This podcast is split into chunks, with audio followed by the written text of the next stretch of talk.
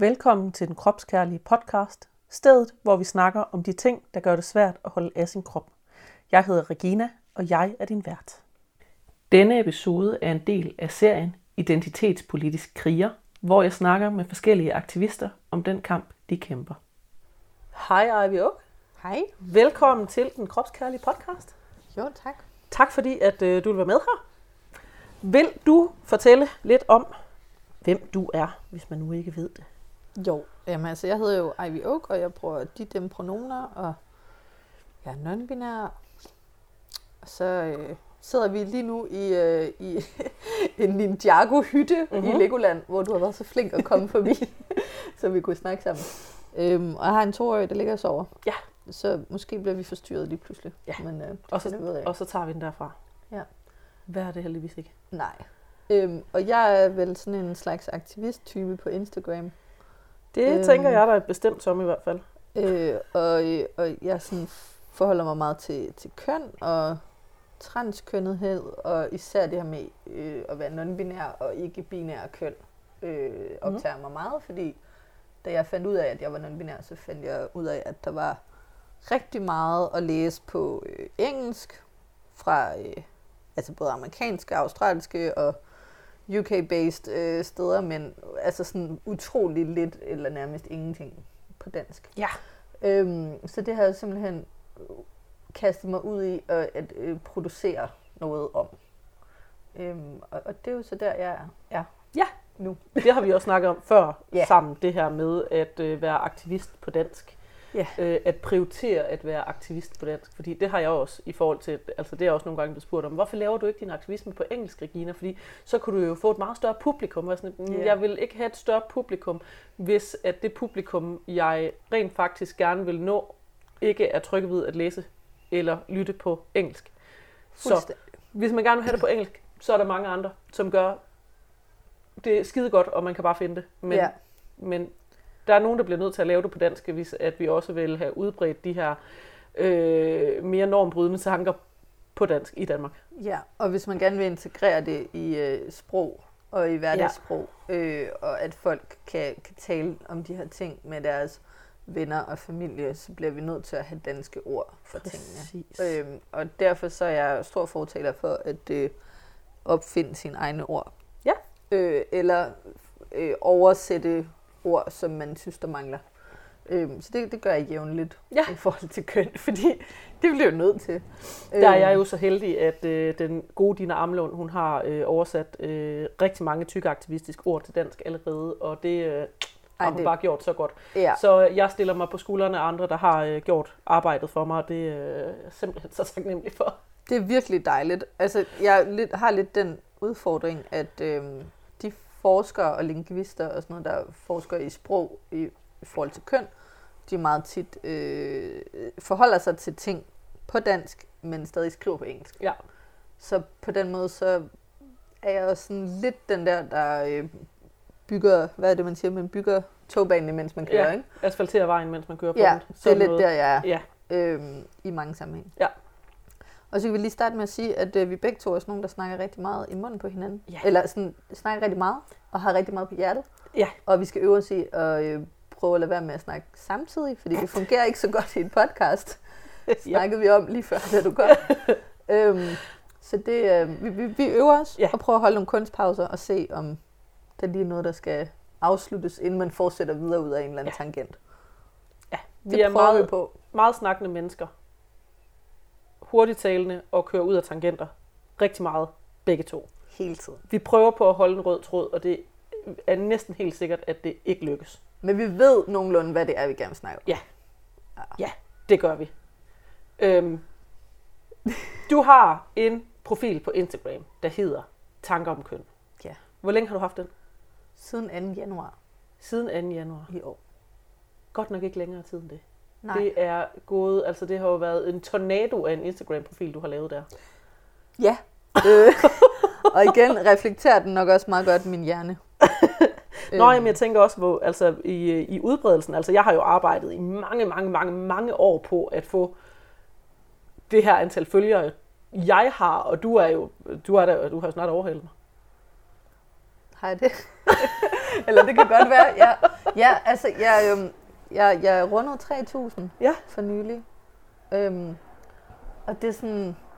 Ja, det forstår man slet ikke. Altså sådan, jeg, jeg er stadig ret overvældet over Ja. det. Altså selv her nu på 8. måned, Ja. hvor det bliver ved. Altså sådan... Jeg har også haft nogle perioder, hvor at jeg har været sådan så shadowband, at ikke engang Mm. mm. folk, der fulgte mig, som havde notifikationer slået til, som havde mig på deres closed friend liste, alle de her ting, de fik stadig ikke at vide, at jeg postede ting. Øhm, Story of my life. ja, og der fandt, jeg jo, der fandt vi jo igen os to sammen, at okay, det er faktisk sådan, det er for os begge to. Og så en gang imellem, når jeg skriver om sådan nogle meget uskyldige, halvligegyldige ting, for eksempel kønsopdelte toiletter, Ja. var det for et par måneder siden. Og lige nu, øh, om man kan øh, finde et kønsneutralt ord for brandmand. Øh, mand. Ja. Det, sådan nogle ting. Så begynder min stories lige pludselig at få en hel masse, der øh, når at se dem Ja. og svare på dem. Altså, Ja, og det er jo ret interessant det her. Inden vi begyndte at optage, der sad vi lidt og snakkede omkring, hvor jeg var sådan lidt, øhm, det er lidt lækkert for dig, at du snakker om en gren af aktivisme, der sådan, altså i godseøjne er mo- moderne. Altså det her med køn er noget, vi rent faktisk snakker en hel del Ja. om lige nu. Hvor det er sådan lidt, og jeg kan bare se, hvordan at du kommer altså stormende derud af og snakker om det her. Og det er så fedt, og det er så vigtigt, og mega, mega godt det arbejde, du laver. Og hvor jeg som tykaktivist bare sådan lidt, alting går bare så langsomt, fordi at det er bare ikke moderne at snakke omkring tykkhed, eller hvordan vi behandler tykke mennesker. Eller, det kan godt ske, at vi godt kan snakke om sådan body shaming, ja. Men så er det mere sådan, hvordan oplever tynde mennesker det? ja. Men, og på individplan. og på og individplan. slet ikke struktur. Nej, overhovedet ikke. Hvor at lige så snart man begynder at snakke om det her med struktur og tykaktivisme, og hvordan at tykfobi også påvirker tynde mennesker, så bliver der bare sådan fuldstændig klappet i. Og så, ja. Og så ryger man bare over den der, øhm, øh, man skal også være sund, eller øh, man skal, øh, hvad det hedder, at man, man jo bare kan tabe sig, eller alle de her Mm. ting, hvor altså, der, der synes jeg jo, at øh, åha, hvor er det? Hvor må det nogle gange være dejligt at snakke om noget, der er lidt moderne. Ja, Ej, men det kan jeg også godt forstå. Altså, jeg tror, jeg har ramt en niche. Jamen det Altså, jeg tror, fordi en Du har ting... ramt noget, der manglede. Ja, og det, altså fordi jeg har flere, der sådan har skrevet til mig og spurgt, sådan, hvordan har du altså sådan ligesom fået for eksempel ja. så mange følgere på så kort tid. Og jeg tror seriøst bare, at jeg har været heldig. Det- altså, jamen, det en ting er, at jeg, at jeg er også engageret, og jeg vil gerne. Ja, og jeg, absolut. altså, jeg skriver en masse ting, og jeg svarer folk, når de skriver til mig, og Mm. jeg sådan prøver at være engageret i de følgere, jeg har.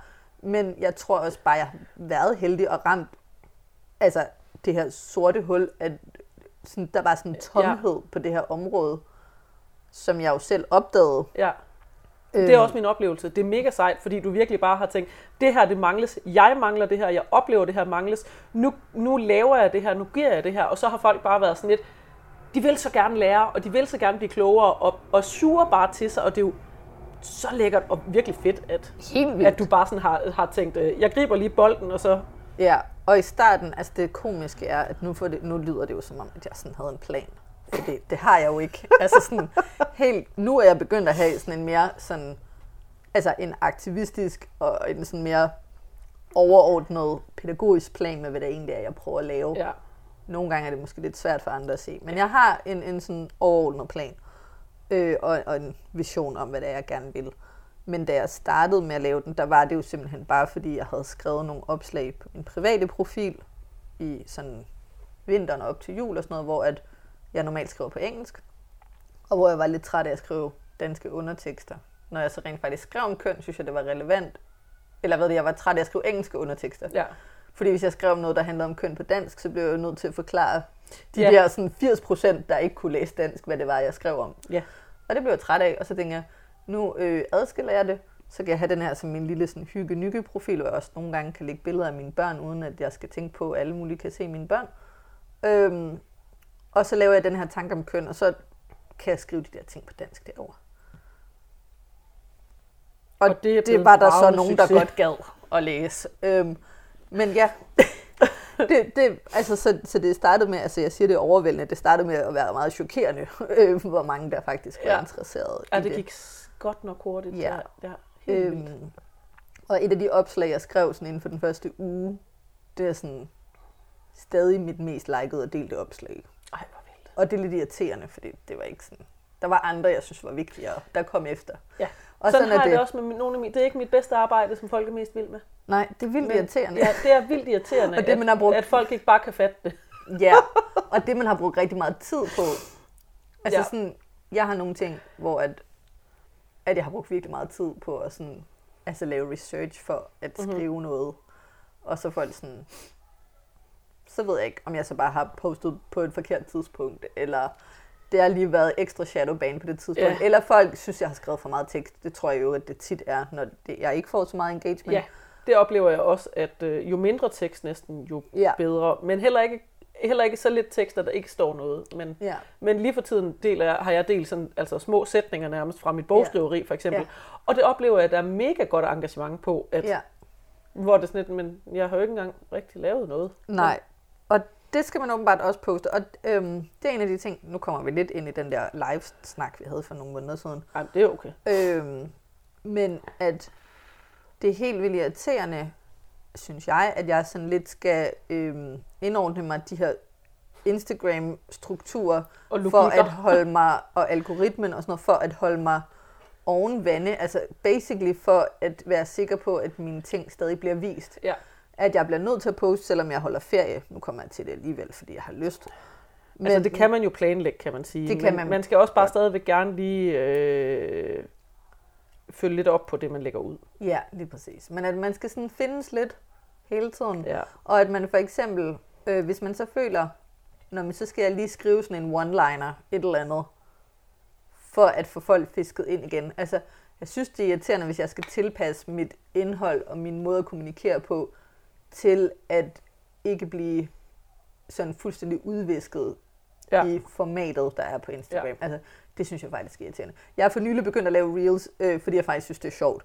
Men Reels kan være ret sjovt at lave. jeg synes, det er skægt nu, og jeg bliver sådan, altså det er også sådan lidt hurtigt, sådan, Ja. hvis jeg lige har en masse idéer, så kan jeg lige Ja. lave et par reels, i stedet for at skrive de her opslag, som tit er meget teksttunge, dem jeg egentlig bedst selv kan lide at lave.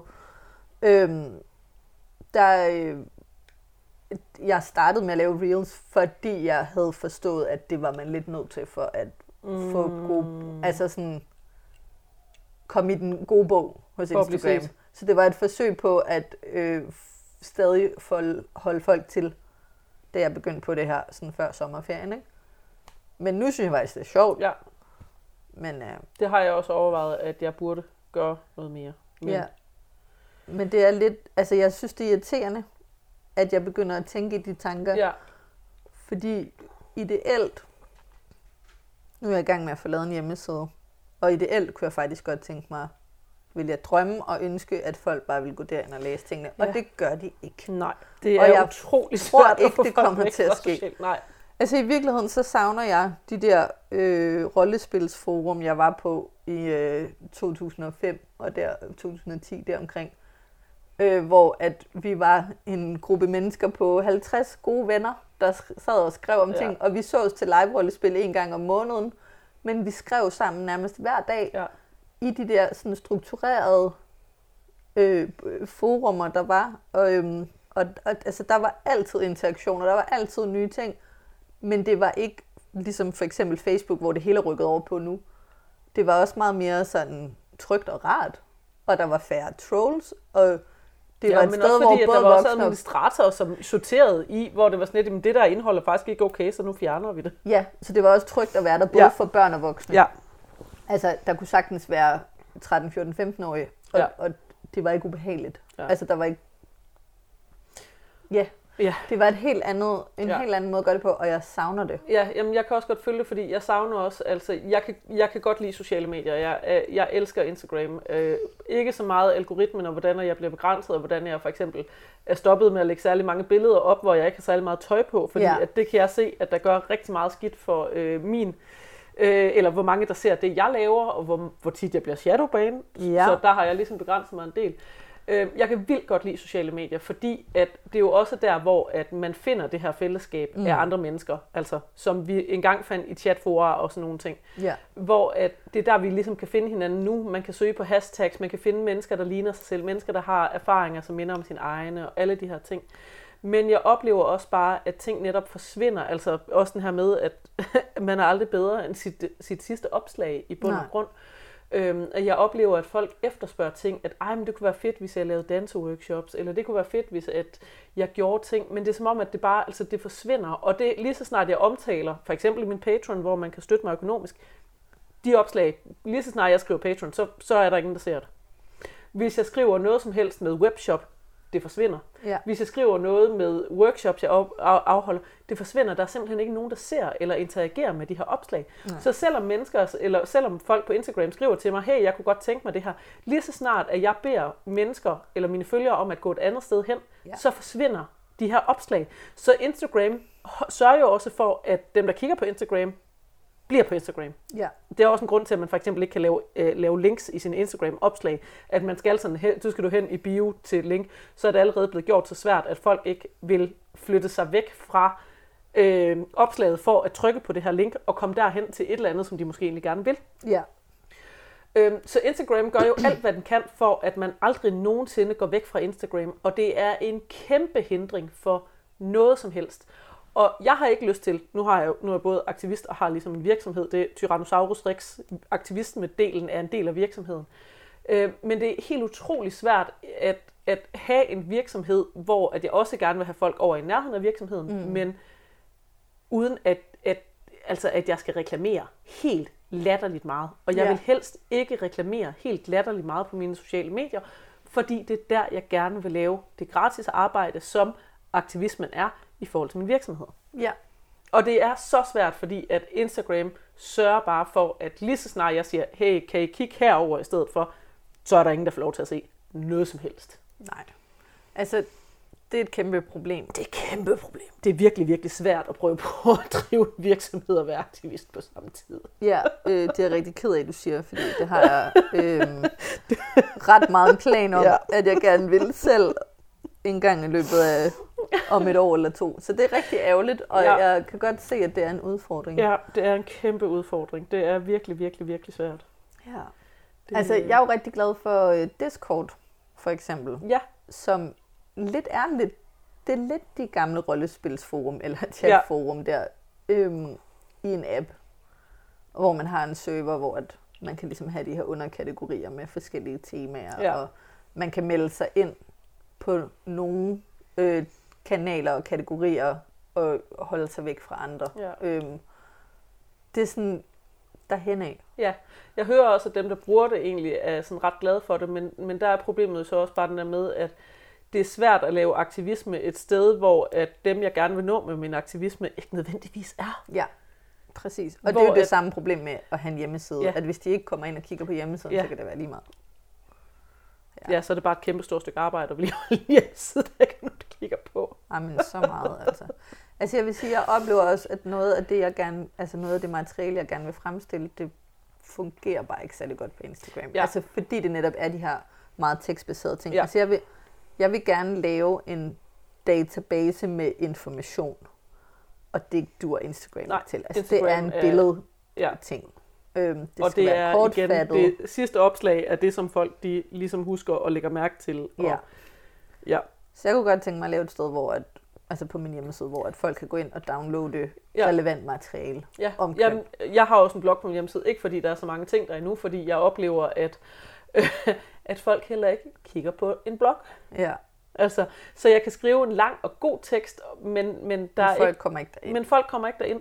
Folk efterspørger ting, og jeg laver det, og folk kommer ikke derind, fordi at lige så snart jeg siger, kig her, så. Er der måske et par stykker, som, altså selv det der med, at folk siger, "Jamen, kan du ikke lave en video om det her? Og så laver jeg en video, og så kan jeg se, hvordan at, øh, at folk ikke ser den. Ja. Man kan jo gå ind, og så kan man, øh, når man har en virksomhedsprofil, så kan man se indblik. Og det første minut, som afspiller automatisk i øh, feedet, kan jeg jo se, at der er masser, der ser. Og så stopper det bare efter Nå, det. det kan du simpelthen se Ja. specifikt. Ja, Nå, ja. det må du lige vise mig Ja. bagefter. Det viser jeg lige bagefter. Øhm, men men så, så bare det her med, at man altså også, at jamen, man skal jo bare lige trykke på videoen, Ja, det gør for at den afspiller. Men, men det gør man ikke engang. Altså, det er så helt utrolig svært at få folk til at engagere sig mere. Og det er ikke, fordi det er en klage eller noget, fordi at jeg ved godt, det er, altså, det er jo kulturelt og strukturelt problem, at vi er uddannet, altså vi er oplært i, at, at altså den her mangel på dybdekoncentration også, at, at vi har ikke tid til at se en video på 10 minutter. Nej. Altså, jeg, hvis, jeg, skal- hvis jeg skal have mit budskab ud, og være sikker på, at folk får konklu- konklusionen med, så skal konklusionen og budskabet komme i løbet af det første minut af en video. Ja. Og det er derfor, at folk for eksempel, det er derfor, at folk for eksempel godt kan lide de her reels, Ja. og det er derfor, at Instagram hyper dem, Ja. selvfølgelig også for at konkurrere med TikTok. Også for at I konkurrere øvrigt, med ved- TikTok. ligesom Patreon, hvis du skriver ordet TikTok, så kan du være helt sikker på, at det også bliver gemt væk. Yes. Eller hvis du linker til ting, der er uden for Instagram, bare i en uh, chatbesked, har jeg lagt Ja. mærke til nogle gange, at den ikke engang vil sende beskeden. Det er ret syret, og det er, det er ret sket nogle gange, fordi første par gange tænkte jeg, at jeg har nok bare et dårligt signal eller et eller andet. Det var ikke tilfældet. Interessant. Den har jeg ikke bemærket endnu, den der. Nej, hvis det for eksempel er, øh, jeg har købt det her, prøv at komme og se det, Ja. eller ja, Ja. altså i det hele taget, tag dit blik væk fra Instagram. Ja. nu. Øj, det, Øhm, øh, Og jeg, øh, jeg bliver sådan lidt øh, klaustrofobisk og føler mig utrolig øh, censureret og øh, sådan begrænset. Ja, jeg bliver nogle gange meget modløs af Instagram især. Jeg ved godt, altså Facebook er øh, slem med andre ting, men med den der med at blive på Facebook, der er Facebook bare overhovedet ikke nær så slem. Nej. Der kan man rent faktisk dele links, og det er nemt at gå til andre steder og Ja. alle sådan nogle ting. Så er der til gengæld hele det der problem med øh, meget vrede mennesker i kommentarfelter på Facebook, og det skal man endelig for guds skyld ikke læse. Jeg oplever også, at der kommer meget mere vrede kommentarer tit på mine Facebook-opslag, end der gør på min Instagram-opslag, Ja. selvom der er meget mindre trafik på min Facebook-side. Ja. Øhm, men, men Facebook er meget nemmere til at få lov til at få folk til at gå væk fra Facebook. Ja. Hvor Instagram er virkelig sådan, Bliv her. vi Nu. laver en lille lukket boble til dig, hvor at du kan sidde og blive ved og blive ved, og vi, ud, vi, vi kommer med ny underholdning hele tiden. Ja. Ja. Hele tiden, hele tiden, hele tiden, hele tiden. Ja, men det er også rigtig skræmmende. Øhm, fordi samtidig er jeg jo rigtig glad for det. Ja. Som du siger, Ja, altså ja. det sociale. Altså vi to har jo mødt Ja, hinanden. vi har mødt hinanden på Jeg har måde. mødt virkelig mange gode mennesker på Instagram. Altså, jeg har så mange fine personer, som jeg altså, skriver med altså, nærmest hver dag, Ja. ja. som jeg har mødt på Instagram. Ja. Og dem havde jeg ikke mødt, hvis jeg ikke havde lavet Nej, tanker det er om køn. Altså, hvor at det der ekokammer og den der boble kan også bare virkelig være bekræftende, når man for eksempel er altså neurodivergent, eller man er kønsdivers, Ja. eller på anden måde er, Eller er tyk for den sags skyld. eller er tyk. Og man Ja. kan finde andre tykke mennesker, som også har fundet ud af, at man ikke behøver at være ulykkelig og på slankekur, bare fordi man er tyk. Ja. At det, Det er rigtig flot, Ja. ja. det her. det er, skal jeg sætte på pause? Eller? Ja, Gør det lige. ja, Ja, det gør vi lige. ja det var lige Red Barnet, der Ja. ja. gerne ville have nogle penge. Det var en øh, stakkels øh, foner, som øh, havde fået til opgave Og ringe at, at ringe rundt. Men Så. Så. vi fortsætter her. Vi fortsætter her. Ja. Ja, Instagram er dejligt til fællesskab og til at møde Ja. ja. dejlige mennesker. Og det kan rigtig mange ting.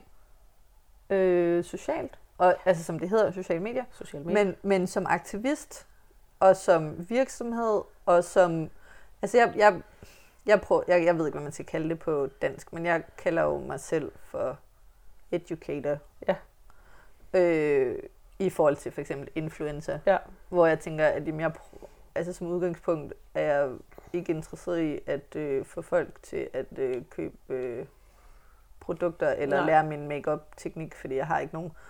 Øhm, e- eller den slags ting. Altså det, Ja. det, er ikke, øhm, det er det, jeg i mit hoved tænker er en, en influencer. Ja, influencer er tit noget, der ligesom handler om det her med at påvirke folk til at bruge penge. Det er jo det, det blevet i hvert fald. Altså i virkeligheden er det jo at påvirke folk med en holdning eller en tanke eller en. Ja. et eller andet. Men, men det er jo blevet øh, en markedsføringsstrategi at bruge mennesker til at påvirke andre mennesker til at bruge penge. Ja. Ja. Altså inde i mit hoved har det i hvert fald lang tid været sådan noget, øh, sådan nogle reality-stjerner og sådan noget, der var Ja. influencers. Men det er også ligegyldigt. Det er ikke fordi, jeg vil se ned på folk, der Nej, nej. omtaler sig selv som influencer. Jeg har også lavet influencerarbejde. jeg kunne bare mere godt tænke mig, at... Øh, altså, jeg, jeg vil i hvert fald hellere have den der sådan, underviser-hat Ja. på i, i mine egne øjne. Ja. Men det er rigtig svært at lave den slags arbejde på Instagram. Der, der må være nogle andre steder, der er bedre.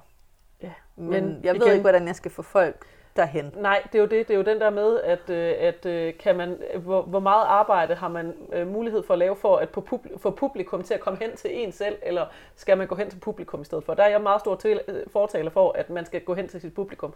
Man skal gøre det nemt for folk at lære nye ting. Ja, men det er også Sådan helt generelt.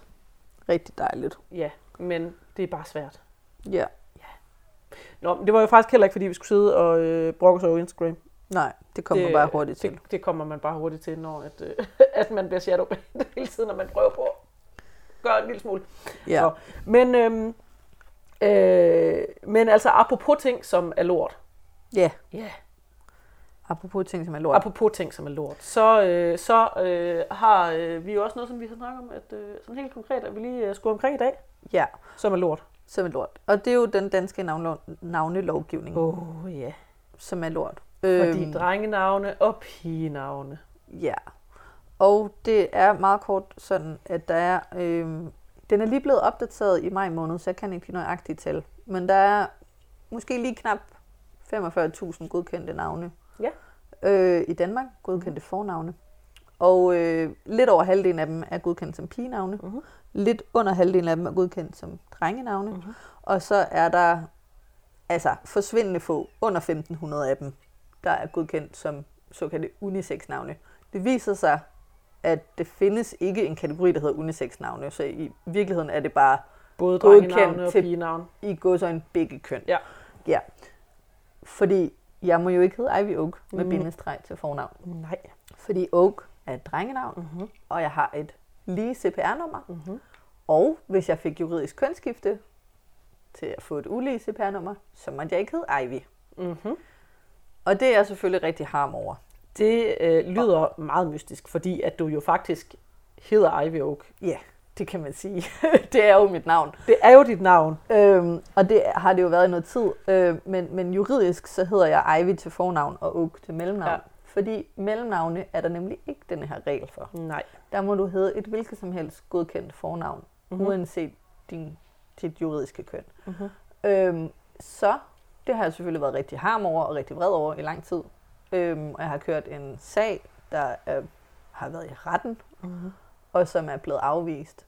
Øh, til sidst endte jeg med at få ud af, at jeg måtte ikke hedde Ivy Oak med bindestreg, fordi jeg ikke, ja, fordi køn. Fordi køn. Øhm, og, og endte så med på, altså jeg har brugt syv måneder på ikke at få lov til at hedde det, Mm-hmm. og så brugte jeg cirka øh, to døgn. Jeg ventede i to døgn på godt at måtte hedde Ivy til fornavn og Oak til mellemnavn. Ja. Øhm, Og hvordan var det? Der var også noget med, i løbet af de to døgn, der var det også, fordi du ikke havde opdaget, at den var gået igennem, eller sådan et eller andet stil. Ja, så i virkeligheden det var tog det vist kortere altså endnu tid. kortere tid. Ja, Ja. det var sådan på en søndag Ja. eller sådan noget. Altså det er, sådan, det er gået utrolig hurtigt. Det var sådan mandag morgen, der var nogen, der åbnede ansøgningen, og jeg tænkte, det ser fint ud, så giver vi den stempel, og så sender vi den tilbage. Ja. Det tog tre Øhm, minutter altså det, det. det, var, det svarer til at gå ind på borger.dk og skifte læge. Ja. Altså så nemt var det. Ja. Øhm, og øh, det var en kæmpe stor sag, at jeg gerne ville hedde Ivy Oak med bindestreg. Ja. Fordi køn. Ja. Øhm, og det har jo så sat gang i en hel masse igen af mine følgere, der har skrevet til mig. Jeg har haft nogle lignende oplevelser. Mm-hmm. Jeg øh, hedder i virkeligheden det her, men officielt må jeg ikke hedde det. Øhm, eller jeg er under 18 år, så jeg må ikke skifte navn, Mm. fordi jeg kan ikke skifte juridisk køn til Ja. det, jeg egentlig bruger hver dag, som er mit navn. Ja. Øhm, og alle de her krumspring, som folk er nødt til at gøre med at hedde et eller andet fuldstændig irrelevant til fornavn, så de Ja. som mellemnavn kan bruge deres altså, rigtige, Rigtige navn. navn. Det navn, som Ja. de bruger. Øhm, det kunne jeg godt tænke mig at ændre på. Ja. Fordi, altså, jeg har jo bare opdaget, hvor besværligt det er, øh, og hvor urimeligt det er, Mhm. mm-hmm. de her regler. Øhm, og, og hvor, hvor tunge vi er at danse med, om jeg så må sige, inde på Oh, familieretshuset. Øh, huset. og øh, altså Ankestyrelsen og alt det her, det er bare et kæmpe projekt. Altså jeg har brugt langt over en fuldtidsarbejdsuge på at prøve at få lov til at øh, overbevise folk om, at jeg gerne må hedde Ivy Oak. Ja, med Og jeg-. Ja, og jeg har simpelthen altså siddet og skrevet breve og klager med alle mulige argumenter. For eksempel er der lige præcis 0 mennesker, der hedder Oak til fornavn i Danmark, ifølge dansk statistik. Så der er ikke, altså der er hverken nogen mænd eller kvinder, der kunne blive vrede Så- over det. Oak er godkendt som et drengenavn, men der er ingen drenge, der hedder det. Ja. Godt så. Ja, så det virker jo sådan lidt fjollet. Det virker meget som, at øh, det har vi besluttet os for, så det er sådan, det er. Ja. Øhm, og, og det er sådan noget, det har jeg det rigtig svært med. Ja. Øh, jeg har det svært med nej, fordi nej. Øh, Ja, også fordi at for, hvad var det, var det 2006-2007, hvor at navneloven fik sådan en ordentlig overhaling ja og blev meget godt. ordentligt meget liberaliseret, hvor at man lige pludselig kunne komme til altså søge om at hedde nogle helt andre ting, end man Ja. kunne før. Ja. Øhm, og at øh, der er flere og flere børn, som får unikke navne, altså helt nye navne Ja. og, øh, og Nydannede navne. ja. nydannede navne, og hvor at det jo er øh, denne her med, at man skal kunne argumentere for, at det øh, er klingende som et navn, altså at det lyder som et navn. Ja. Øhm, og der er kommet sindssygt mange nye navne, og undskyld, sindssygt er ikke det gode, gode at bruge. Der er Nej, kommet vildt mange nye navne øhm, efter det, og navne, som der altså kun er en, der måske hedder, fordi at det er, at der er nogle forældre, der har argumenteret for, at det her, det skal mit barn hedde, og det er et, øh, et nyt navn, og så har man kigget på det og sagt, jamen det kunne godt lyde som et navn, det der, og, Ja. og så må man gerne hedde det. Ja. Men ikke desto mindre, så har vi stadigvæk en, en navnelov, som er bundet helt vildt meget op på køn, at jamen, det der, det kan godt være et pigenavn, men det kan ikke være et drengenavn. Ja. Og nogle gange er det altså et bogstav, der gør forskellen. Ja. Øhm, og jeg er selvfølgelig kommet i kontakt med alle mulige i forbindelse med, at jeg har øh, fortalt ret indgående på min Instagram-profil siden marts måned, da jeg fik det første afslag om det her med at have ret til sit navn. Ja. Øh, og, og jeg har delt, altså hvor jeg lige har streget ud sådan mit CPR-nummer og sådan noget, men, men ellers delt rigtig mange dokumenter, Ja. så folk har også altså, fået voldsomt mange detaljer omkring den her sag. Øhm, og det er der mange, der har været virkelig glade for. Ja. Altså, og, og fået rigtig meget ud af, fordi det et har øh, bekræftet dem i, at ja, det bliver nok svært.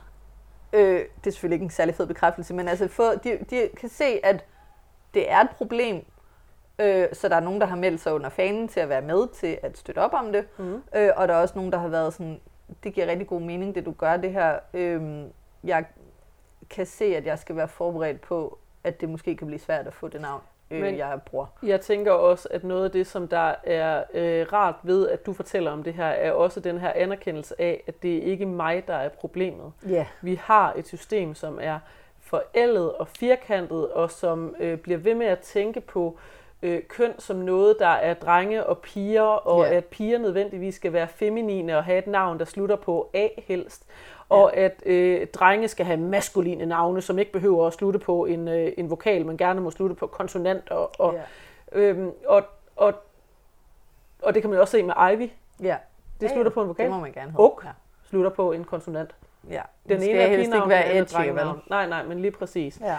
Øhm, så, øh, så, så hele den her idé om, hvordan at, at drenge skal være, og piger skal være, og at vi gerne skal være drenge eller piger, er jo helt vildt meget afspejlet i, øhm, i vores navnelov. Ja. Også sådan noget som at blomsternavne tit er pigenavne. Ja, At hvis man, hvis man er opkaldt, altså hvis ens navn er et navn på en blomst, Ja, så er det fint. så, jamen så hvis man er pige. Jeg er ikke Ja. sikker på, at drenge må hedde blomsternavn. Nej, men altså, nu kan jeg ikke huske det fra mit hoved, men jeg, øh, i min klage har jeg jo gået ind og kigget på netop blomsternavne, og kigget på navne, der er træer. Ja. Og kommet med en hel masse, altså de her få, der er godkendt til alle køn, som for eksempel er birke og eik, som betyder e, som er oak, men på islandsk, Yes. øh, og, og den slags ord.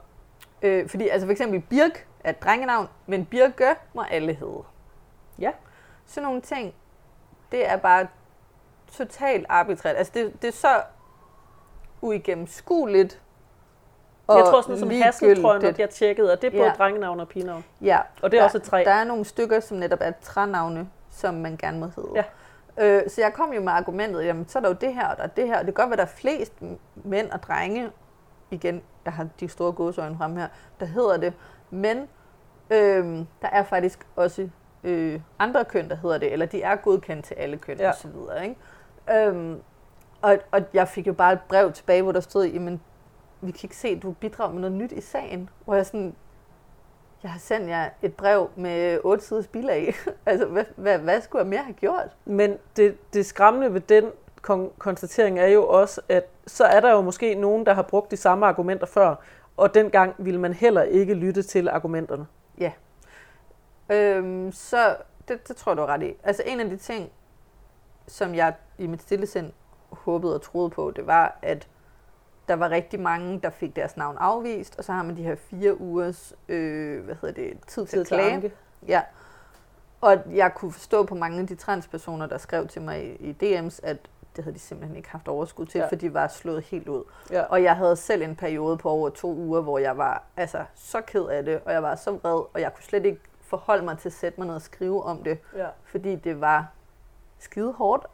Altså, og hele det der brev er jo super binært sprog, hvor jeg jo bliver fejlkønnet hele vejen igennem, Ja. og får at vide, at du er en pige, du er en pige, du er en pige. Ja. Du må ikke hedde drengenavn, for du er en pige. Øh, pige. Og lige pige lidt mere for god. Ja, og så lige et altså- stempel for neden, hvor der står pige. Ja. Så ved du det. Ja. Øhm, og det er jo altså voldsomt ubehageligt, Ja. hvis man er en transperson. Ja. Øh, og nu er jeg jo selv non-binær, så igen, det vil ikke hjælpe, at jeg fik et ulige CPR-nummer, fordi jeg For vil så vil stadig ikke kunne få mit navn, og jeg vil problem. stadig have fået at vide så hele vejen igennem, du er en dreng, du er en dreng, du er en dreng, du må ikke hedde Ivy, du er en dreng. Ja. Så det havde ikke hjulpet. Det er jo en anden side af sagen, det kan vi snakke om på et andet tidspunkt, men CPR-registret er også noget lort, Ja. hvis man er non-binær. Ja. Øhm, men det tænker jeg, det, er en helt, altså det kan blive en helt anden tangent. Ja, ja, den tager det vi kan en anden sagtens, det kan vi sagtens snakke om også. Øhm, men jeg havde så den her stille håb på, at der så var en rigtig mange, der ikke, altså simpelthen ikke havde overskud til at skrive en klage, og at hvis jeg, som en af de få måske, rent faktisk skrev en klage, så ville jeg få ret. Jeg troede, at det egentlig bare var det der skridt med egentlig at gøre det. ja. Altså, Altså, at der var at- nogen, der gjorde det. Ja, og at der måske bare var så få, der rent faktisk klagede over det, at, at det måske var derfor, det ikke blev taget alvorligt. Ja. Øhm, så jeg håbede jo rigtig meget, at jeg kunne komme tilbage med den der positive historie og sige, altså jeg forstår godt, hvis I ikke orker at Ja. klage, men hvis I gør det, så får I faktisk lov til Ja. at hedde jeres navn. Øhm, og det var jo så ikke tilfældet. Så jeg blev bare slået fuldstændig ud en gang til. Og så kom jeg så, så blev det overført til en domstol. Og så fik jeg jo altså totalt meget sådan e-boks angst og sådan frygt for at gøre noget forkert, frygt, ja. for, ikke, frygt for ikke at overholde deadlines, frygt for at misligeholde min side af opgaven, fordi Ja. jeg har aldrig deltaget i en retssag. Ej. Det var heldigvis, og jeg ved ikke om det er på grund af corona, eller fordi det var sådan en lille sag, ikke noget, hvor jeg skulle dukke op nogen steder. Det hele foregik online på den der dom, domstole.dk, men det var jo fuldstændig nyt land for mig, og Ja. det var super angstprovokerende. Det altså, det var ret angstprovokerende. vildt skræmmende, og jeg skulle jo selv være min egen sagsbehandler, Ja. eller advokat, Advokat eller mangel på ja. Øhm, så der var ikke nogen, jeg kunne spørge om råd, Mm. mm. om jeg skulle gøre noget andet, om jeg skulle skrive det på den her måde, eller et eller andet. Altså, jeg skulle ligesom selv køre mit eget show. Ja. Øhm, der har jeg så været inde i sådan en mormon-database i USA mm-hmm. og Mhm. fundet frem til personer, der hedder Oak til fornavn, som har female stående under deres sex. Ja. Og øh, jeg havde sendt øh, altså en helt mega lang pdf-fil med personer, der hed Oak. Og altså, det er jo sådan nogle gamle kirkebøger Ja. og dåbsattester og dødsattester Ja. og sådan noget. Ægteskabskontrakter, whatever. Alle de her ting. Alle de der ting. Officielle papirer. Ja, som er scannet ind af nogen, sådan, der bruger det til slægtsforskning. Ja. Øhm, så har jo altså simpelthen screenshottet og sendt, sat links ind og sådan noget til, jeg tror det var 40-50 forskellige personer, der havde det. Og igen fik jeg at vide, at jeg havde ikke bidraget med noget nyt til sagen. Hvor jeg var sådan, hvad er det, jeg skal gøre? Hvad er det, I gerne vil have? Ja. Og det, de egentlig gerne vil have, det er noget af Danmarks statistik, som viste, at jeg havde ret, men fra et andet land. Og det kan godt være, at jeg bare ikke ved, hvor jeg skal kigge, men jeg har ikke fundet det. Og, og det tænker jeg jo også, at det burde jo ikke være dit ansvar at kende til andre landes Men det var det. systemer. Det burde jo være sådan noget, hvor at hvis man gerne ville undersøge det som en offentlig myndighed, så havde man muligheden for selv at undersøge det som en Ja. offentlig myndighed. Eller man kunne sige, vi har ikke tid til at gøre det for dig, men Ja. du kan kigge på det her link. Ja, her er der øh, navnedatabaser i andre andet. lande. Ja, fordi det var nemlig, at jeg skulle finde 25 personer fra det samme land med det samme køn, der hed det Ja. Til fornavn, minimum. Ja. Og det fandt jeg fra USA, og det Ja. var ikke godt nok. Altså, hvor det er sådan, okay. Ja. Øhm, så var det jo så, at jeg endte med at køre, altså få, det, få domstol, eller hvad hedder det, få dommen, at det måtte jeg ikke hedde. Og øh, skyndte mig at søge om at hedde Ivy til fornavn og Oak til mellemnavn, Ja. som jeg så gik i orden lynhurtigt.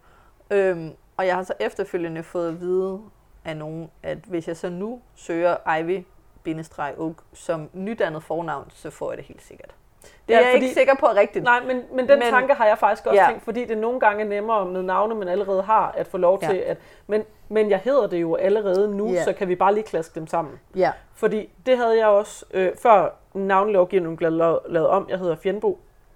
Øhm, det er et mellemnavn. Det har det været hele mit liv. Øhm, men på et tidspunkt engang, jeg var barn, der snakkede mine forældre om, at det kunne være fedt at have det som efternavn i stedet for. ja, Øhm, men på det tidspunkt kunne vi ikke få lov til at have det som efternavn, fordi at der var under 2.000, der hed det. ja, Og hvis der er under 2.000, der hedder det, så skal man have det godkendt ja, af alle, der hedder det, ja, for at få lov til at gøre det til et efternavn. Så det kunne vi ikke få lov til, før at vi så, der kommer lige et, øh, et barn øh, tristende her, øh, så hvis at der bliver lidt støj, så er det bare det. Øhm, men det kunne man ikke få lov til. Så blev navnelovgivningen liberaliseret, ja, og så kunne man lige pludselig godt få lov til at hedde ja. sit mellemnavn til efternavn. Så jeg tænker også, at det kan være, ja. Det Et forsøg værd. være. Ja. men Ej. det er jo stadigvæk pis, at man skal bede om at betale for at ændre navn. Det var det næste, jeg ville sige. Ja, Bede om at betale for at ændre navn en gang til for at komme til at hedde sit navn. ja altså, øhm, det er jo også utrolig privilegeret overhovedet at have muligheden for at skifte navn. Ja. Fordi det koster 513 kroner, hver gang jeg har øh, Hver gang bedt om sender lov. ansøgningen afsted. Ja. Ja. Så jeg har jo betalt for det to gange, og man kan sige, at den ene gang blev det behandlet og afvist, og den anden gang fik jeg lov til at hedde det, jeg hedder. Ja. Ish. Tæt på i hvert fald. Ja. Øhm, men jeg har jo betalt for begge sagsbehandlinger. Ja. Og, og jeg har råd til at søge igen. Ja, ja. Det er ikke et problem for mig. Men det er jo ikke alle, der har Nej. altså 500 kroner liggende, de bare lige kan Og specielt ud af hvis man- vinduet af flere omgange. Og specielt hvis man så oveni skal bruge en masse mentale ressourcer på Ja. slet ikke engang at få lov til at, at Ja. komme til at hedde det, man hedder. Ja. Øhm, og så følger der jo så det med, altså lige nu der øhm, er jeg ude i, jeg skal have, jo have lavet nyt øh, kørekort, og jeg skal have lavet nyt pas. Mhm. Men lige nu der gider jeg faktisk ikke engang at gøre det, fordi jeg, det er jo stadig ikke mit rigtige navn, der Ja. står. Så jeg er lidt ude i, om jeg skal komme i gang med at søge, øh, om at få min bindestreg, Ja. øh, sådan så at jeg kunne gøre det lidt i en omgang i stedet Ja. for. Fordi det koster jo også penge. Det koster også penge. Det er Ja. også dyrt at få ordnet alt det. Ja.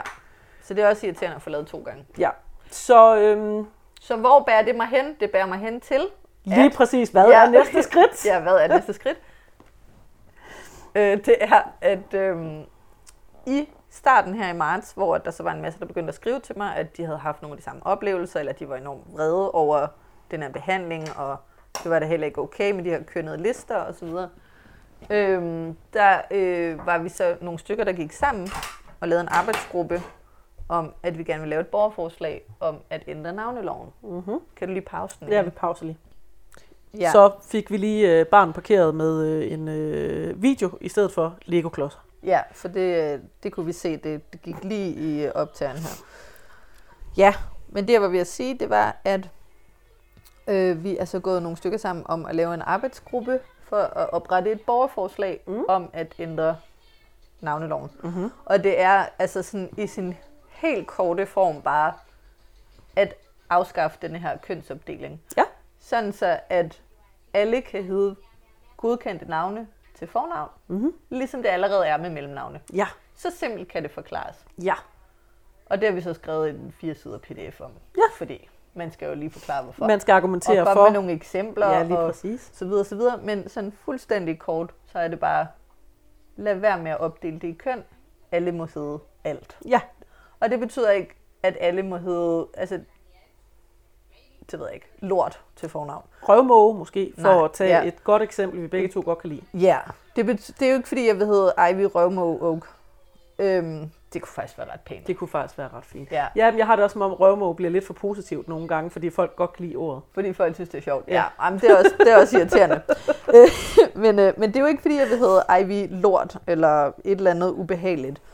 Øhm, det Nej, er, det er ikke et faktisk et, spørgsmål om, godkendt at- navn. Ja, det er ikke et spørgsmål om, at alle navne skal blive godkendt. Det er et spørgsmål om, at godkendte navne skal være, øh, være ikke kønnede som udgangspunkt. Ja. At man kan vælge et godkendt navn, punktum. Ja. Ikke, man kan vælge et navn, der er godkendt til det CPR-nummer, man har. Præcis. Så i virkeligheden bare de samme rettigheder, som man har med mellemnavne, som er fornavne. Mhm. Fordi der er jo også nogle regler for mellemnavne, som du lige nævnte. Mhm. øh, ligesom der er for efternavne, men at alle de mellemnavne, som kan bæres, fordi de allerede er godkendte fornavne, de skal være tilgængelige for alle. Ja. Og alle uanset køn. Ja. Det Øhm. lyder jo som en meget øh, sympatisk idé. Øh, Ja, det, det håber jeg, at der er, øh, ja, nu skulle jeg sige 50.000 andre, der er enige med dig Ja. i. Men øh, lige knap. ja. ja, altså jeg har da helt bestemt tænkt mig at gå ind og øh, sætte min underskrift. Ja Lige så snart, at det, er, at det er op at køre, ikke? Og fordi jeg synes, Ja. at det er, jeg synes, at det er vigtigt. Og jeg synes, at, øhm, at, at det er øh, forfærdeligt det her med, hvordan at vi tvinger en identitet og et køn ned over øh, mennesker allerede ved øh, det navn, de, de bliver givet. Ja, Og, vi, og, vi, altså, og, og hvis man ser på det sådan rent binært, kvinder og mænd-agtigt, kvinder bliver behandlet anderledes på grund af deres navne. ja, hvis man sender en job Hvis man sender en jobansøgning for eksempel, så bliver kvinder oftere ikke udvalgt, fordi de er kvinder, Ja. på grund af deres navne. Ja, så hvis man var en cis-kvinde, der hed Lars, så kunne det være, at det var nemmere at komme til en job, Ja. øh, job øh, stilling. Hvad Ja. det? Et job Jobsamtale. Ja. Ja. Øhm, og det er meget irriterende. Ja. Altså, så selv hvis man tager øh, det her med at være non-binær ud, Ud af af det, så er det stadigvæk noget, der vil hjælpe på, på ligestilling mellem mænd og kvinder. det. Ja, så også hvis man bare ser helt binært på det. Øhm, og for eksempel igen transkønnede børn. Ja, Vi håber jo, det bliver ændret øh, og bliver sat meget, meget øh, længere ned. Nu siger jeg vi, fordi jeg går ud fra, at du mener det samme. ja jeg har også øh, Øh, men, men altså, lige nu kan man jo ikke skifte juridisk køn, før man er fylder 18. Ja. Og hvis man for eksempel er fire år og øh, bruger et navn, der hører til et andet køn end ens juridiske køn, så er der godt nok langt, så man bliver 18. ja. Hvor man hele vejen igennem alle mulige uddannelsessystemer skal Ja. argumentere for, at det kan godt være, at jeg hedder det her til fornavn, men jeg bruger faktisk kun mit mellemnavn, ja. som ifølge dansk navnelovgivning er modstridende med mit juridiske køn. Ja, og hvis man nu sidder og lytter med og er pædagog eller lærer eller underviser på en videregående uddannelse og tænker, men hvordan kan jeg være en god allieret her, sådan at jeg ikke kommer til at kalde folk et forkert navn, som de ikke har det godt med, så kunne man jo for eksempel bare inden skoleårs start lige sende en mail rundt og spørge, hey, er der nogen, der har et andet kaldenavn end det, der står som det første navn på min liste. Ja. Allerede der, så vil man kunne sige, okay, men øh, der er en her, det kan være, at navnet er, lad os sige, Ulla, men øh, at øh, personens egentlige navn er Bille. Ja, Så, præcis. så spørg. Bille, er så rent faktisk et øh, navn, der er godkendt til begge dele. Men, Ja. men, men, men så spørg, ja. hvad er det, hvad vil du gerne kaldes? Ja. Inden at man får etableret et forkert navn, fordi at man ikke lige er opmærksom på, at det kan være, at der er nogen, der hedder andre navne end deres fornavn. Ja. Og på samme måde kunne man jo også øh, spørge ind til pronomener. Ja, for eksempel pronomer. Ja, Det er i også hvert fald, altså jeg tænker i hvert fald på ungdomsuddannelser, der ja. kunne det være helt fantastisk, hvis øh, man kunne tage den snak Ja. fra, altså i sådan nogle introdage Ja, med navn og pronomener. ja. Øhm, ja, også allerede i folkeskolen. Altså meget tidligt begynder man jo virkelig at lære øh, børn, hvilket øh, øh, socialt og kulturelt udtryk de skal have ud fra deres CPR-nummer. Ja. Ja, og det leder mig også hen til en af de ting, jeg har skrevet om på, øh, på min Instagram-profil med, at men der findes ikke selvfølgelige pronomener. Altså det kan godt være, at man er ciskønnet og heteroseksuel, men det betyder ikke nødvendigvis, at man bruger han eller hun. Det er jo det. Men det vil i hvert fald være rart for os, der er non-binære, hvis folk holder op med at aflæse folks øh, kønsidentitet ud fra for eksempel deres navn, Ja, eller ud fra deres pronomener, eller deres kønsudtryk. ja. Øh, fordi det hænger ikke nødvendigvis sammen. For nogen gør det. Øh, For nogen gør det. Både for cis-kønnede og for transkønnede personer. Men, men for andre er, det bare, er der bare overhovedet ikke nogen sammenhæng mellem de Ja. ting. Øhm, og det ville være rart, hvis der var noget mere forståelse for det. ja. Eller noget nysgerrighed på det i hvert fald. Altså sådan Ja. ja. åbenhed. Ja. Ja, men også fordi den her med, at, altså, at øh, pronomener, det er jo stedord på dansk, det er jo øh, ord, vi bruger i stedet for en persons navn, ja. øh, eller et objekt navn, så siger vi den og det, i stedet for langt hen ad vejen. Øhm, Og der er også nogen, der bruger den. ja, der er også nogen, der bruger personlig den som pronomen. personlig proso- pronomen, ja. Ja. Men, men det her med, at det sådan, og hvis man så er i tvivl, så brug, brug en persons navn i stedet for, at Ja. beslutte, dig, beslutte sig for, hvad for en køn, at de har, ud fra, at man har en idé om, at navnet ser sådan her ud, så derfor må det være et bestemt køn og nogle bestemte stedord, man bruger, eller altså den her med rent faktisk at anerkende, at det, sådan, det kan være, at jeg ikke kan regne alting ud, ud fra min smalle forståelse af verden, som ikke nødvendigvis er den samme forståelse af verden, som andre har. Også det. Fordi altså for eksempel, nogle af de få navne, der er godkendt til alle køn, øh, Jamie. Hvis du bare læser det på skrift, så har du jo ikke nogen idé om, hvem den person er. Nej. Altså, og det, det kan jo være en person af alle køn. For Ja. eksempel, det kan være en person med et hvilket som helst øh, kønsidentitet, pronomen, kønsudtryk osv. Tror du ikke, at, øh, at øh, Game of Thrones øh, midlertidigt har forurenet det navn? Åh oh, jo, det har det nok. Altså, jeg, jo, jeg mødte en meget, meget dejlig øh, cis-kvinde i, øh, i Nepal Ja. fra USA, der hed Jamie. Ja, jamen, jeg tænker, at der er en del af de der sådan... Men, øh, men jeg tror, at øh, lige Jamie, tror jeg, øh, midlertidigt er ret i. i, i Danmark i hvert fald er forurenet af Game of Thrones. Det har du nok ret i. Men ja, altså der er mange kønsneutrale navne, øh, som, eller der er ikke mange, Nej, men der er nogle, der er man nogle. kan vælge imellem. Ja, Og øh, jeg synes ikke, at man som non-binær person, altså det taler i hvert fald igen ind i den der med, at non-binære personer, de skal være kønsløse og androgyne, ja, hvis man kun må vælge et unisex navn. ja. Altså, der er jo super mange non-binære personer, der har altså nogle, nogle køn og nogle kønsudtryk, som overhovedet ikke er androgyne, ja. eller øh, ikke er øh, hvad hedder det, kønsløse i godsøjne. Ja. Altså, øh, man behøver ikke at være akønnet. Øh, Nej. Og man, nej, hverken altså være akønnet som non-binær, eller være akønnet øh, i sit øh, kønsudtryk. Det er netop det med at være androgyn. Ja, præcis. Øh. Øhm, der skulle lige øh, startes en ny video. Skal der have filmen her, Tulle? Men der var også en trøje med dinosaurer på. Ja. Eddie, vil du være med? Du kommer op, Jamie. Vi bliver lige joinet af en toddler her. Hej, Toddler. Hej toddler, ja. Ja. Eddie. ja. Uh, Så lige, om han Ja, kan og apropos, øh, apropos det med, øh, med, øh, med navne og, øh, og også titler, det synes jeg jo også er dejligt, at du har jo øh, øh, sammen med dit ældste barn lavet et, øh, et kønsneutralt øh, ord for øh, din rolle som forælder. Ja, Det, det, synes jeg er fantastisk. Det, gjorde mig, det gør mig simpelthen så glad. jamen, det er også dejligt. Det er Ki, øh, han er fem år nu. Ki har fundet på, at øh, jeg hedder Emmy. Ja. Og det er bare mega hyggeligt. Ja. Øhm, og det er rigtig, rigtig rart. Og vi kørte bare lidt, vi cyklede lidt igennem alle mulige øh, tostavelses, øh, altså bare lyde Ja. nærmest kombineret. Øhm, og, øh, og det var rigtig godt, fordi jeg har aldrig trives ved at blive kaldt mor. Øhm, og lang tid før, at jeg vidste, at det havde noget med mit køn at gøre, brød jeg mig heller ikke om det. Nej. Øh, så da jeg var gravid, prøvede min, min engelske partner og jeg at finde på et andet ord. Mm. Altså, så har vi prøvet mommy og mamma og alt muligt. Og, Men alle sammen, der bare- lå op af mor. ja, og det, var ikke, det gjorde ikke noget godt for mig, så vi endte med at bare defaulte til mor, fordi altså, I mangler bedre. Ja. Øhm, og Emmy var faktisk en af de første sådan ting, der blev en del af min transition. Ja. Altså, det var, at, at jeg holdt op med at blive kaldt mor, og Ja. begyndte at bruge Emmy. Øhm, og så kunne vi jo øve os lidt derhjemme Ja. på det, og så kunne jeg også lade være med at få brugt mit fornavn og sådan noget. Altså, fordi jeg på det tidspunkt ikke vidste, hvad jeg gerne ville hedde. Ja. Så det er også øh, ja, en rigtig, rigtig dejlig ting. Mm. Ja.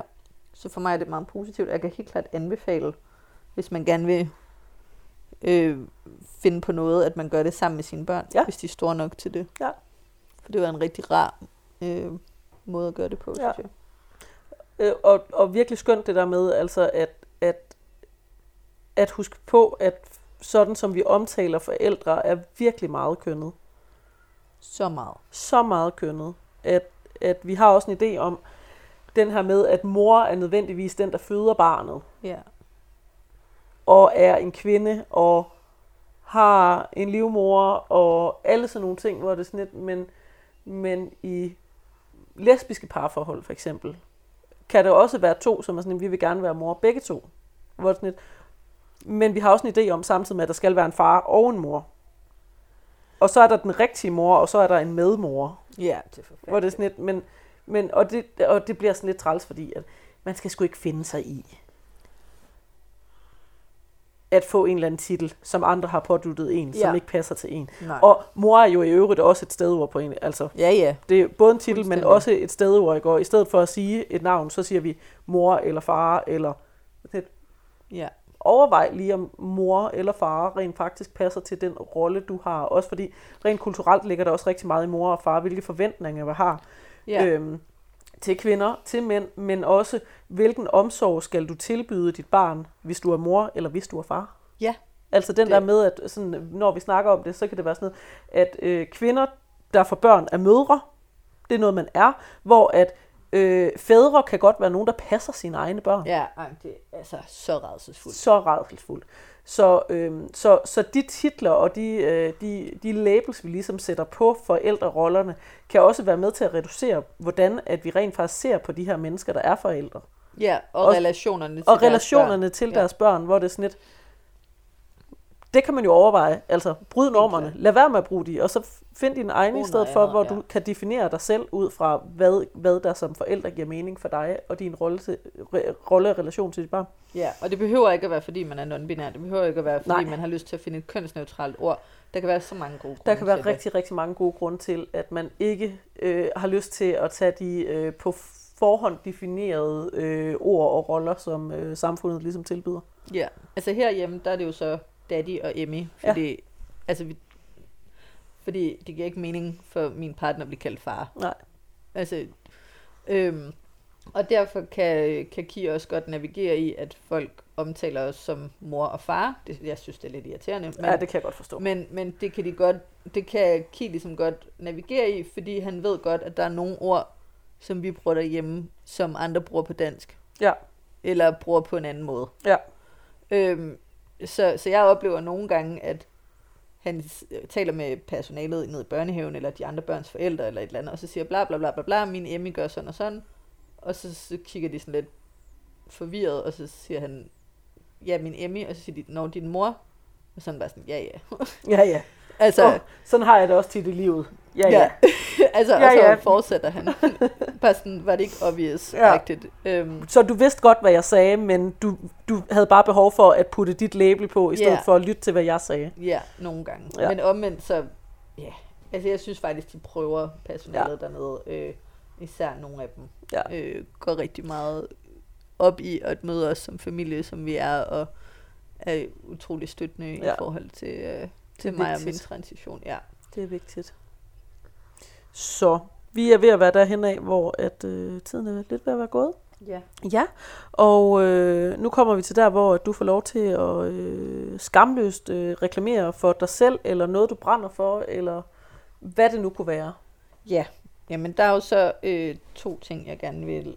Og det ene, det er, at vi timer det her øh, podcast-afsnit. Det kommer ud, når mit borgerforslag er gået live. Mm. Mm-hmm. Så øh, der kan I gå ind på, øh, på Instagram og finde det under en profil, der hedder ny.navnelov.nu. Mm-hmm. Og der ligger det i, øh, i linket. Mm-hmm. Øhm, en direkte adgang til at komme ind og underskrive øh, borgerforslaget. Ellers tænker jeg også, at jeg lige smider linket i min, Ja, øh, min gerne. bio i et par dage, når det Ja, er. det lyder dejligt. Øhm, og så selvfølgelig på, på min egen side, der hedder Tanker om køn, og det er så Tanker om kun. Fordi, Fordi der ikke er noget ø på Instagrams ja, navne. og jeg gad ikke hedde noget med koen. øhm, så det blev til kon. Øh, ja, det var Tanker, Tanker om om kon. øhm, det gad jeg ikke hedde. Ej, så så jeg Tanker faktisk om forstå, køn, du lod være men, men bare med o. Ja. Ja. Perfekt. Øhm, og, og det bliver min Shaneways plug, de to. Yes. Perfekt. Jeg glæder mig så meget til, at det her borgerforslag det går i luften, og øh, det, jeg håber virkelig, at øh, det bliver pissegodt, og at øh, der kommer de øh, 50.000 underskrifter på det, og at der forhåbentlig er nogle politikere, som øh, vil tage det alvorligt og lytte til det, Ja. og at der ikke går alt for meget øh, DF og øh, Liberal Alliance kriger i den, og alle alle de de der. Ja. Ja, øh, Ja. og så heldigvis så har vi også en masse dejlige organisationer, der gerne vil støtte ja. op om det. Og vi håber, Vigtigt. at de også ligesom vil være med til at tale vores sag. vigtigt. Ja. Så hvis man sidder og lytter med, så øh, kom ind og få underskrevet borgerforslaget, og hvor lang tid løber det i? altså det får 180 dage. 180 Så dage, et halvt år cirka. Ja. Ja. Så man må også rigtig gerne øh, dele det og spørge sin ven, eller sine forældre, ja. eller sin partner, eller ja. Og hvis man først hører det her afsnit et stykke tid efter det er udkommet, så er der stadigvæk god mulighed for at Ja. nå at komme ind og få det underskrevet. Ja. Så afsted med jer, der sidder og lytter. Og tak fordi du lyttede med. Tak fordi du ville være med. Tak fordi du er velkommen til øh, Ninjagoland. Ah, men det er så skønt jo. Der er Lego overalt her. Det er perfekt. det er godt. Vi s- tak for i dag. Ja, selv tak. Hej. Du lyttede til den kropskærlige podcast. Stedet, hvor vi snakker om de ting, der gør det svært at holde af sin krop. Jeg hedder Regina, og jeg er din vært. Tak fordi du lyttede med. Hvis du vil vide mere, kan du gå ind på t-regs.dk.